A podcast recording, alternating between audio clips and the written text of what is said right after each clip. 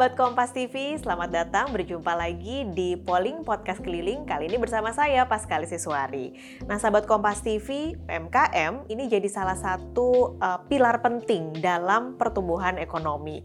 Nah, di saat yang sama, transisi ekonomi hijau juga sedang didorong untuk terus dikembangkan. World Economic Forum 2020 memproyeksi akan ada peluang bisnis baru dari transisi hijau ini senilai 10,1 triliun dolar Amerika dan bisa membuka 395 juta lapangan pekerjaan baru. Ini tentu jadi peluang yang cukup ciamik, terutama bagi para UMKM kita akan ngobrol-ngobrol. Kali ini bersama Francisca Esa, Manajer Mikro Business Development BRI. Halo, Mbak Ica. Halo, Bapak Apa kabar? Baik, Oke, kita sekarang akan ngobrol banyak soal UMKM. Tapi sebelumnya mungkin yang menarik adalah soal transisi hijau ini nih, yang kayaknya proyeksinya angkanya cukup uh, oke okay ya, lumayan. Nah, menurut Mbak Ica sendiri bagaimana? Bahwa sebenarnya ESG ya atau ekonomi hijau itu memang sekarang ini lagi concern di semua lini termasuk dari sisi perbankan. Kita bisa lihat bahwa nanti dengan adanya ekonomi hijau itu diproyeksikan akan membuka lapangan pekerjaan baru itu sebesar 395 ribu lapangan okay. pekerja baru. Jadi memang banyak sekali lapangan-lapangan pekerjaan yang akan uh, bisa muncul mm-hmm. kembali dengan adanya ekonomi hijau ini. Tentu saja uh, beberapa lapangan pekerjaan baru ini lebih banyak di sisi UMKM-nya. Misalkan dari sisi uh, tourism, hmm. kemudian dari sisi UMKM, juga dari sisi bisnis-bisnis yang bisnis-bisnis yang lain yang juga melibatkan banyak sekali anak-anak muda tentunya. Dan juga uh, dengan adanya ekonomi hijau ini harapannya kita uh, bukan hanya membuka lapangan pekerjaan yang baru, tapi juga ini dari sisi perbankan ibaratnya ada bisnis baru yang terkreat di sini dan juga ini uh, efeknya akan berlipat gitu. Gak cuma buat yang uh, buka pekerjaan, buka lapangan pekerjaan aja, tapi juga bagi lingkungan sekitarnya. Karena UMKM sendiri kan pada dasarnya dia uh, membuka bisnisnya tuh bukan hanya untuk dirinya sendiri, tapi lebih dari itu kita melihat potensi UMKM ini adalah bagaimana dia memberdayakan masyarakat sekitarnya. Itu sih ini yang memang diharapkan ada efek domino yang terjadi dari UMKM yang mengambil peran penting di ESG ini.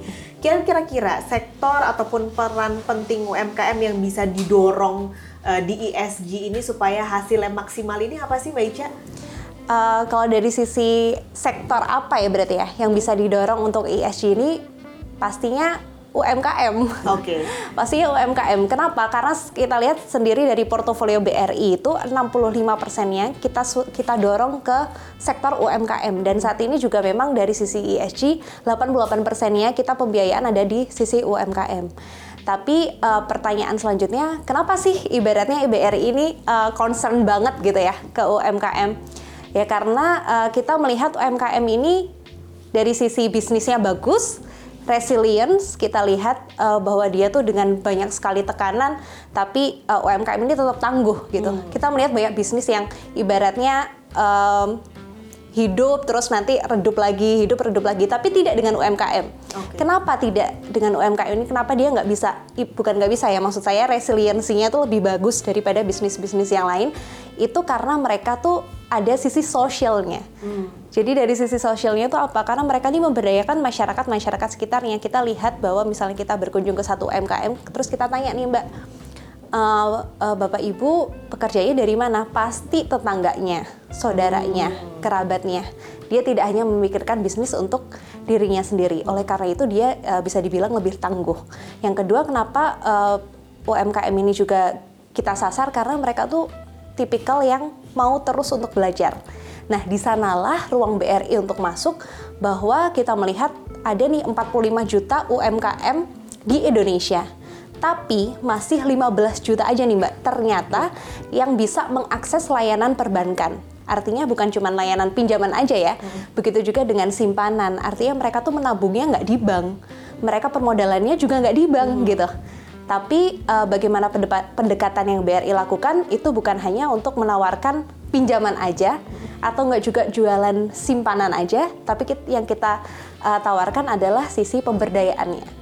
Jadi mereka nanti akan akan tergantung gitu sama kita, karena kita ibaratnya yang menemani mereka mulai dari nol sampai dengan bisnis mereka uh, naik kelas ya kita menyebutnya itu uh, kita dampingin terus. Mulai pertama kita masuk misalnya dari sisi pinjaman, kemudian gimana sih Bu memanfaatkan pinjaman ini untuk bisa uh, create bisnis yang lebih bagus, kita dampingi. Ibu gimana sih cara mengelola keuangannya, kita dampingi, kita arahkan untuk uh, menabung menabung dan juga berinvestasi. Hmm. Jadi memang uh, kita pengennya masuk ke UMKM itu sedalam itu gitu Mbak. Okay. Nggak cuma dari sisi pinjaman ataupun simpanan, ibaratnya pembiayaan yang berbau duit aja. Mm-hmm. Tapi lebih dari itu kita pengen UMKM di Indonesia ini lebih maju karena mereka punya uh, apa ya pengetahuan yang juga terus untuk bisa di develop gitu. Okay. Karena pada akhirnya akan uh, sesuai dengan visi misi ESG itu environment, social dan juga governance tadi. Hmm. Kalau bicara soal uh, eh, ESG kita uh, lepas dulu UMKM-nya, hmm. saya tertarik dengan ESG hmm. ini. Apa aja sih? Tadi sudah UMKM, tapi adakah hal lain yang sudah BRI lakukan di ESG ini? Ah, itulah. Kalau misalkan BRI kan ibaratnya kita ber berbicara tentang corporate ya. Di uh, mikro sendiri karena saya uh, di Direktorat Bisnis Mikro kita sudah melakukan beberapa uh, pengembangan proses bisnis yang terkait dengan ESG. Misalkan nih, dulu kalau kita sebagai tenaga pemasar, misalkan Mbak uh, mengajukan pinjaman, itu pasti harus ke kantor tanda tangan berkas banyak banget. Tapi sekarang udah enggak, karena kita sudah punya uh, ibaratnya digitalisasi sebagai salah satu jalan kita untuk menuju ESG ada Brispot namanya. Jadi kalau kita datang ke tempat nasabah, kita cuma pegang handphone aja sebagai tenaga pemasar. Jadi uh, handphone itu udah super canggih deh. Kita udah bisa mengajukan pinjaman, udah tahu berapa pinjaman yang dibutuhkan.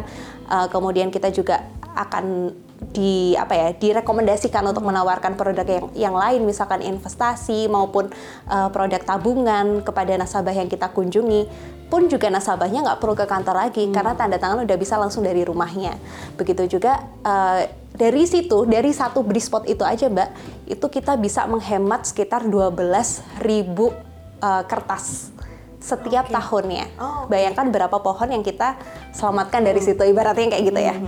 Dan berapa uh, listrik yang bisa kita hemat dari kita tidak menggunakan komputer di kantor gitu. Jadi memang kita uh, create bisnisnya sudah sampai uh, sejauh itu. Begitu juga dari sisi uh, tabungan. Hmm. Misalkan sekarang orang nggak perlu lagi untuk datang ke kantor BRI untuk buka tabungan karena buka tabungan digital saving, simpanan digital saving itu bisa dari mana aja tinggal buka uh, digital saving BRI itu nanti akan bisa kita buka tabungan simpedes. Jadi di mana aja kita bisa bukanya dan kalau kita misalkan udah punya Brimo pengen tambah tabungan yang lain juga bisa buka rekening baru. Jadi di mana aja nggak harus ke kantor kita uh, bisa melakukan aktivitas perbankan. Nah inilah yang juga kita sasar kalau tadi kita berarti melihat uh, 30 juta UMKM yang belum tersentuh. Hmm. Padahal uh, ada juga uh, riset yang juga mengatakan bahwa sebenarnya pertumbuhan orang yang menggunakan internet hmm. atau user internet ini 400% loh mbak mulai 2011 sampai 2022. Nah, ke manakah sih 400% ini gitu kan? Jadinya jadi pertanyaan buat kita dan juga tantangan juga. Karena sebenarnya mereka main internet untuk apa gitu kan? Jadi pendekatan seperti apa yang perlu kita uh, lakukan supaya mereka yang yang sampai dengan 400% kenaikan user internet tadi itu bisa uh, main digitalnya juga bukan cuma untuk sosmed ibaratnya, mm -hmm. tapi juga untuk pengembangan usaha, untuk perbankan kayak gitu sih menjadi usaha yang lebih produktif sebenarnya. Betul. Ada kenaikan 400%, tapi kalau melihat data dari Kementerian Koperasi dan UMKM, hmm. ini sebenarnya pelaku UMKM yang baru masuk digital baru kurang dari 18 juta bahkan. Betul. Kecil sekali. Hmm. Ini yang mau diraih dan mau di yang belum masuk perbankan tadi ada lebih banyak lagi. Hmm. Nah, ini gimana Mbak Ica melihatnya? Nah, itu juga satu tantangan juga nih Mbak. oh, banyak banget ya tantangannya. Karena gini, uh, sebenarnya 17 juta itu udah termasuk berarti dari dari 45 juta UMKM ya. 17 juta di antaranya atau 18 juta di antaranya itu yang sudah melek digital. Sisanya belum melek digital. Nah, bagaimana cara kita untuk bisa ibaratnya membuka uh, mata UMKM ini untuk bisa lebih uh, bersahabat dengan digital ini, salah satunya kita punya yang namanya Link UMKM. Link UMKM itu apa? Link UMKM itu platform untuk uh, eh, UMKM mengembangkan dirinya itu di sana tuh kita bisa ngecek ibaratnya kita bisa self diagnose kalau saya punya usaha misalkan saya punya usaha hijab gitu ya saya self diagnose sebenarnya posisi UMKM saya ini ada di mana sih? Apakah tradisional, moderate, atau saya ini udah UMKM yang modern? Hmm. Dan strategi apa yang harus saya lakukan? Nah, di situ bisa nanti Mbak, ibaratnya kayak self diagnose gitu lah. Misalkan saya masih tradisional, nanti uh, apa sih yang bisa kita lakukan untuk bisa jadi modern kayak gitu. Jadi kita bertahap.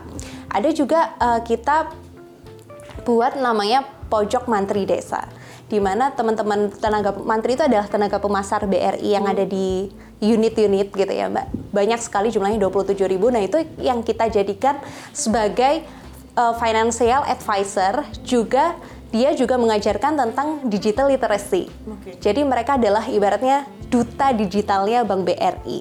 Kalau misalkan kita berbicara kita datang ke desa-desa sosialisasi, itu mantrinya ngajarin Mbak, misalkan hmm. Bapak Ibu udah punya handphone, punya, oh coba bu, ini bu buat pengembangan usaha nih buka ini. Kemudian cara foto yang baik tuh kayak gini bu, gitu misalkan.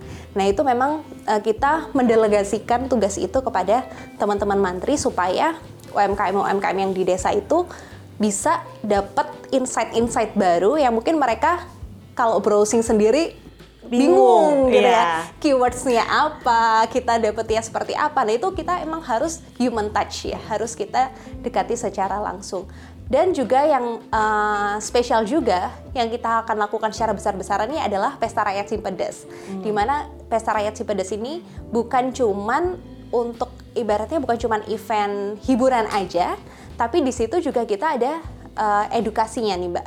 Edukasinya seperti apa? Jadi nanti ada kelas-kelas UMKM di situ. Jadi yang biasa kita lakukan menyebar ibaratnya mantri-mantri ini di wilayah kerja masing-masing, sekarang ini kita fokuskan di satu wilayah hmm. gitu. Jadi kita bikin kelas yang gede banget untuk untuk memberikan uh, edukasi kepada UMKM UMKM ini namanya kelas UMKM. Ada banyak lagi sih di Pesta Rakyat Sipedes ini bisa dapat banyak hal gitu ya. Jadi nggak cuma dapat hiburan aja, tapi uh, dari sisi knowledge, ilmu-ilmu baru, kemudian jejaring gitu okay. juga akan bisa dapat gitu. Oke, okay. kita bicara nanti soal pesta rakyat sih pedas karena pasti banyak yang bisa diulik. Mm -hmm. Tapi kita bicara tadi soal aplikasi self diagnose itu mm -hmm. sangat menarik karena sangat membantu UMKM UMKM, terutama mereka yang tidak tinggal di kota, yang kesempatannya Betul. tidak seluas yang tinggal di kota. Mm -hmm. Itu berarti terbukakah untuk semua UMKM yang ada di pelosok Indonesia dari Sabang sampai Merauke? Betul, sangat terbuka. Jadi bahkan uh, kita sebenarnya pendaftarannya cukup mudah ya Mbak. Hmm. Kita paling cuma registrasi kayak kita registrasi sosial media,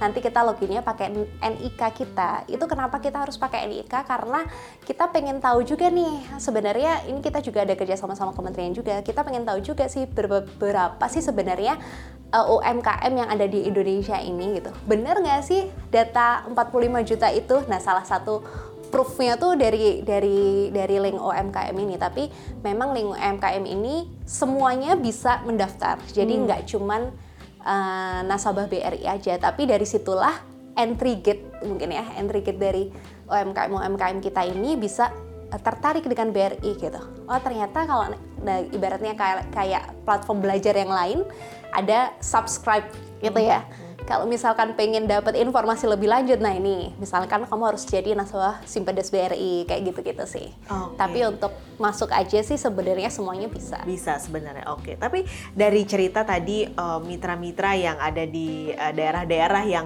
istilahnya jemput bola mereka-mereka yang ada di daerah itu, ada nggak sih tantangan dan juga kendala yang sebenarnya selama ini dialami untuk uh, eh, UMKM UMKM yang tinggal di daerah-daerah tersebut karena mereka kan ini butuh pendampingan untuk supaya uh, mungkin ada pinjaman dan juga simpanan yang akhirnya bisa berujung pada yang produktif. Jangan hmm. sampai pinjamannya jadi tidak produktif begitu. Betul. Ada tantangan dan kendala kah yang dialami? Yang dialami teman-teman di lapangan pasti ada ya Mbak ya. Hmm. Pasti ada aja tantangan yang dihadapi. Pertama mungkin dari sisi uh, keterjangkauan ya. Hmm. Karena uh, meskipun BRI ini ada banyak sekali uh, unit kerjanya, tapi tidak bisa kita pungkiri bahwa untuk menuju ke suatu desa itu, untuk menuju ke satu wilayah yang ada UMKM-nya itu, pasti dibutuhkan uh, effort yang luar biasa. Beberapa mantri juga harus ibaratnya sampai nginep di rumahnya di desa itu untuk bisa untuk bisa uh, dapat bisnis yang ada di situ. Tapi uh, kendala itu sih sebenarnya kendala yang nggak nggak ini ya mbak maksudnya masih bisa di diatasi lah Salah satunya dengan digital. Begitu juga kendala yang kedua uh, tentang digital itu sendiri. Hmm. Misalkan kita tahu bahwa sebenarnya memang internet di Indonesia ini udah ibaratnya 80% masyarakat di Indonesia ini udah melek internet. Tapi seberapa sih konsentrasi orang-orang ini? Di mana sih sebenarnya orang yang melek internet? Ternyata yang melek internet itu juga masih di sekitar Sumatera, Jawa dan Bali. Sementara okay. di lain wilayah mm -mm. itu juga masih belum um, ada internet bahkan.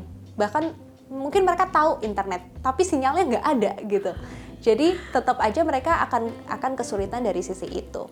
Makanya masih dibutuhkan human touch itu tadi karena kita harus uh, datang ke lokasi-lokasi yang memang susah aksesnya untuk untuk uh, internet kayak hmm. gitu-gitu. Jadi yang pertama mungkin dari luasnya wilayah Indonesia ini, yang kedua dari belum meratanya koneksi internet yang ada di Indonesia ini, dan yang ketiga sebenarnya dari UMKM ini sendiri uh, nggak semua UMKM, tapi ada beberapa yang mungkin merasa uh, sudah cukup sampai di sini.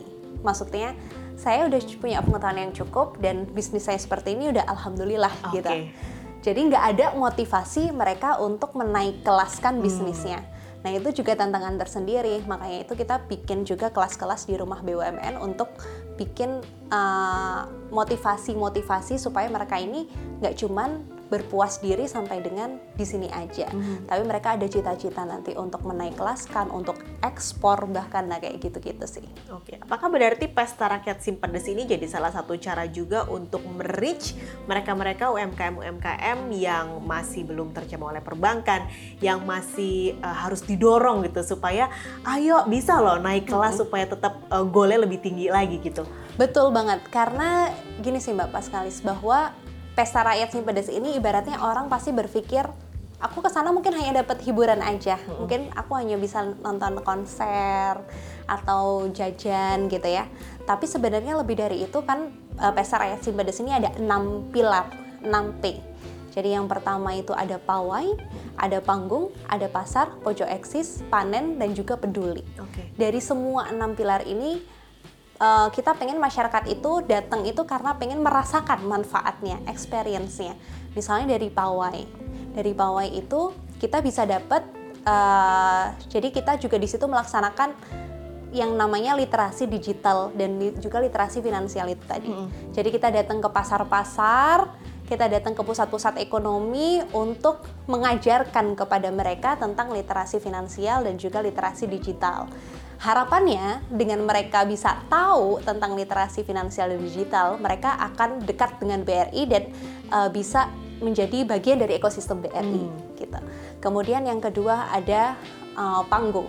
Di panggung ini kalau misalkan di panggung-panggung yang lain gitu ya, biasanya hanya menghadirkan artis-artis kenamaan ibu kota.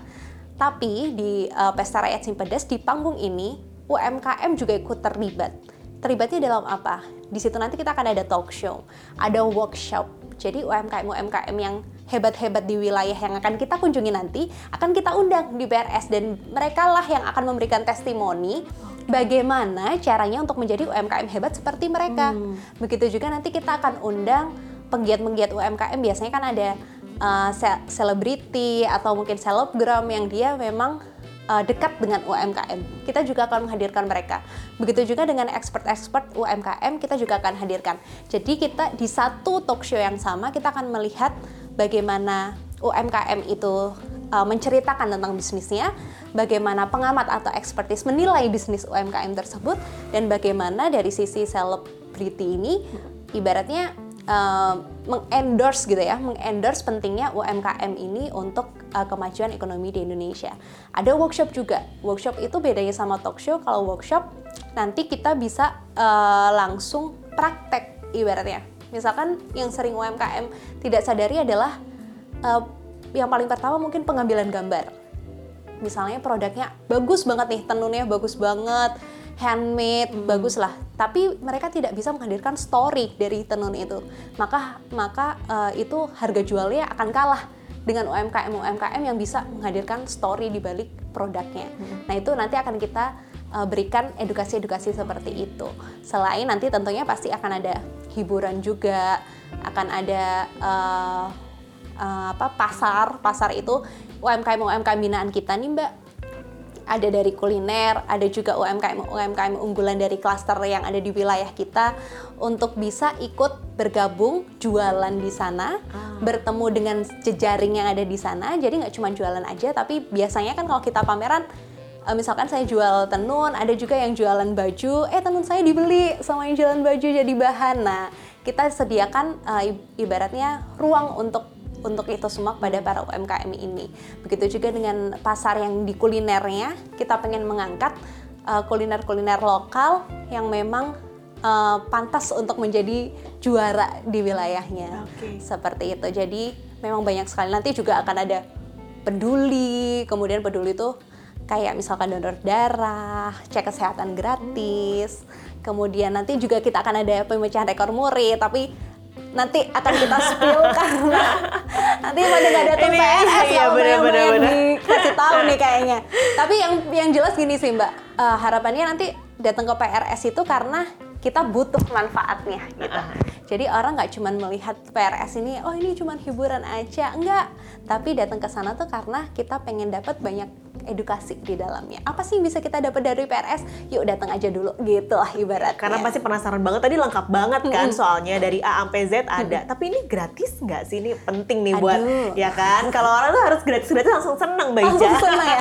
yang penting nggak keluarin duit ya. Bener. Yang pastinya semua ini gratis karena ini semua sebagai salah satu dukungan kita untuk UMKM yang ada di Indonesia pengen belajar gratis, yuk datang ke PRS. Pengen kenalan gratis, yuk datang ke PRS gitu lah. Pengen dapat edukasi finansial gratis, yuk datang ke PRS gitu. Oke, jadi ini benar-benar nggak ada ruginya buat datang karena nggak ngeluarin satu rupiah pun ya. Gak Malah dapat ilmu yang mm -mm. nilainya udah nggak bisa dinilai itu dari uh, yang dikasih BRI. Betul. Okay. Dan pasti hadiahnya juga banyak banget karena Wah, tadi kan ada juga penting. panen ya, nah. ada panen. Nah itu hadiahnya pasti banyak banget apalagi kalau udah jadi nasabah BRI, nasabah Simpedes di PRS itu hadiahnya menaranya udah sampai setinggi menara Eiffel kayaknya Mbak. Oke. Okay. Abis ini saya boleh daftar? Oh, boleh dong. Saya langsung tertarik. Ini tapi ada di mana aja uh, Mbak Ica? Uh, Pesta Rakyat Simpedes ini akan digelar? Pesta Rakyat Simpedes ini sebenarnya kita gelar di 397 kota yang ada di Indonesia. Tapi kita bagi lagi hmm. di mana nanti uh, ada namanya PRS utama, PRS teritorial, dan juga PRS reguler gitu. Jadi untuk PRS utama kita akan ada di 11 kota, untuk PRS teritori kita akan ada di 14 kota dan sisanya adalah PRS reguler yang kotanya banyak banget saya nggak apal. karena itu berarti hampir 400-an lebih Betul. yang akan digelar PRS ini. Harapannya apa sih menggelar sampai ke 400-an lebih kota ini dari PRS ini? Harapannya PRS ini jadi uh, tujuan gitu ya bagi para UMKM. Bukan cuma PRS-nya aja sih kan PRS Pesta Rakyat Simpedes. Hmm. Tapi Simpedesnya ini menjadi tujuan untuk para UMKM uh, kembali gitu ya. Jadi UMKM ini jangan jauh-jauh deh cari-cari ke mana-mana tentang edukasi, hmm. jangan jauh-jauh cari-cari ke mana tentang literasi finansial. Yuk balik lagi ke Simpedes, ibaratnya kayak gitu. Jadi PRS ini adalah momentum untuk para UMKM bisa berkumpul, bisa mendapatkan uh, literasi finansial, literasi digital, dan juga untuk teman-teman UMKM ini bisa dapat knowledge yang lebih banyak tentang pengembangan usahanya. Jadi harapannya PRS ini memang ini spesial kita hadirkan untuk para UMKM ataupun teman-teman yang memang masih dalam hatinya tuh pengen nih jadi entrepreneur tapi belum berani. Yeah. Yuk datang aja dulu karena nanti bisa melihat ibaratnya kita bisa ngelihat showcase UMKM UMKM hebat yang ada di wilayahnya itu dan bisa langsung belajar tanya-tanya seperti itu. Wah seru banget. Ini digitalnya apakah juga akan ada di PRS ini? Ya tentu saja dong, karena PRS kita kali ini akan uh, secara hybrid ya. Jadi secara offline ada, di online juga ada, dan juga tentu saja nanti akan live langsung di Kompas TV. Wah asik banget. Ini kalau online-nya berarti uh, apa nanti konsepnya? Apakah yang di kota lain yang tidak ada PRS ini bisa mengakses atau gimana Mbak Ica? Tentu. Jadi nanti pengennya tuh uh, teman-teman yang ada di kota lain yang mungkin masih nggak tahu PRS-nya ada di mana karena PRS-nya 400 kota ini banyak banget. Hmm. Mungkin kalau PRS utama nggak ada, pasti ada PRS reguler. Kalau PRS reguler ada, pasti nanti akan ada PRS teritori. Jadi teman-teman bisa datang ke PRS yang di wilayahnya masing-masing. Tapi kalau misalkan memang nggak berkesempatan untuk hadir langsung, bisa nonton melalui televisi. Jadi teman-teman bisa dapat experience-nya uh, eh, PRS itu seperti apa nanti kita akan hadirkan di layar televisi. Oke, jadi tetap ada kesempatan buat mereka-mereka UMKM yang tidak ada uh, belum dapat PRS di kotanya. Tapi kalau mau tahu nih Mbak, aduh kota saya ada nggak ya nih kira-kira PRS ya? Nah infonya bisa didapat di mana? Nah, nanti uh, teman-teman bisa langsung akses di Instagram Bank BRI, uh, Facebook Bank BRI, dan Twitter Bank BRI. Di situ akan ada informasi lengkap tentang PRS-nya di mana aja, kapan dilakukannya. Nah, itu pasti akan uh, ada lengkap di sana. Nah, di uh, 6P yang juga tadi Mbak Ica udah cerita, ada salah satu pilarnya adalah membentuk jaringan, membentuk ekosistem uh, bisnis dan juga uh, partnership bisnis dengan komunitas tempat. Nah, Mbak Ica boleh cerita lagi itu gimana sih nanti konsepnya? Nah, uh, sebenarnya secara existing kan partnership bisnis ini kita bentuk di rumah BUMN, Mbak. Jadi di rumah BUMN ini kita mengumpulkan banyak UMKM dari berbagai sektor hmm. gitu ya untuk bisa saling um, bertukar pikiran, kemudian upgrade knowledge di rumah BUMN ini. Tapi kita buat lebih besar di PRS. Nantinya mungkin kalau pengen lebih besar lagi adalah di Brilliant Planner yang kita nanti uh, kalau Brilliant Planner kan skalanya udah sampai partnership sampai ekspor ya. Hmm. Tapi kalau dari PRS ini sendiri kita akan menjadi uh, mulai gitu ya pemulai atau entry gate-nya dari para UMKM ini membuka jejaring dengan UMKM-UMKM yang lainnya. Tentunya nanti kalau tadi nggak cuma di rumah BUMN aja, tapi ketika kita ngisi link UMKM, itu nanti kita ibaratnya kayak punya kartu, kartu digital bahwa kita, yang membuktikan bahwa kita tuh sebagai uh, UMKM. Nanti di situ akan kita bisa melihat, oh kita nih udah uh, berpartner dengan siapa aja nih hmm. UMKM UMKM yang juga bergabung di uh, link UMKM. Tapi misalkan dia belum bergabung di link UMKM, nanti bisa bergabung di rumah BUMN sebagai uh, tempat offline-nya ibaratnya offline-nya kita bisa gathering bareng dengan para pelaku UMKM yang lainnya. Jadi membentuk ekosistemnya sih seperti itu. Bisa juga seperti ini Mbak karena beberapa UMKM itu biasanya tipikalnya adalah berkumpul. Hmm. Jadi adalah klaster-klaster gitu ya. Sekarang ini ada sekitar 1000 klaster binaan BRI yang itu nih yang, yang nantinya pengennya dari PRS ini kita akan menghadirkan klaster-klaster baru oh, di wilayah-wilayah yang ada PRS-nya. Tapi itu terbuka kah buat uh, semua UMKM atau hanya UMKM binaan BRI saja. Terbuka untuk semua UMKM, boleh langsung datang ke rumah BUMN. Nanti di situ ada petugas namanya petugas uh, rumah BUMN mm-hmm. yang membantu teman-teman untuk bisa uh, misalnya pengen pengen jadi bagian dari rumah BUMN, gimana sih caranya? Mm-hmm. Pengen kenalan sama anggota rumah BUMN, gimana sih caranya? Nanti akan dijelaskan sama petugasnya. Pun tidak dipungut biaya ya? Tidak dipungut biaya dong tentu saja. Oke, okay. uh, eh, kita bicara lagi soal uh, meraih mereka-mereka uh, nih UMKM-UMKM yang belum bisa terjamah oleh perbankan. Seberapa banyak sih uh, Mbak Ica uh, pesta rakyat Simpedes ini bisa uh, meraih mereka-mereka UMKM-UMKM yang belum bisa terjamah perbankan? Hmm. Nah, ini sebenarnya jatuhnya jadi ke KPI kita ya. Okay. Jadi sebenarnya kita pengen ya nih Mbak Pesta Rakyat Simpedes ini di setiap titiknya kita minimal ada 5.000 orang yang datang untuk 5.000 UMKM yang datang untuk belajar di okay. Pesta Rakyat Simpedes. Jadi di setiap titik di uh, eh, PRS utama minimal 5.000 orang ini nanti bisa kita kalikan aja uh -uh. sampai dengan 11 titik nanti kita akan ada PRS utama dan PRS teritori tentunya karena wilayahnya uh, kotanya mungkin lebih kecil dibanding kota-kota yang pilih, kita pilih sebagai PRS utama uh, KPI-nya di bawah 5.000 tapi yang kita harapkan juga masih ribuan orang hmm. yang akan datang ke PRS karena kita targetnya tadi kan kita akan menjangkau 30 juta UMKM ya Mbak tapi kita mulai dengan kita mulai dengan berapa ribu nanti kita uh, akan lanjutkan lagi dengan event-event berikutnya. Oke, 5.000 ini adalah mereka yang di luar binaan UMKM uh, eh, BRI atau bersama dengan UMKM binaan BRI?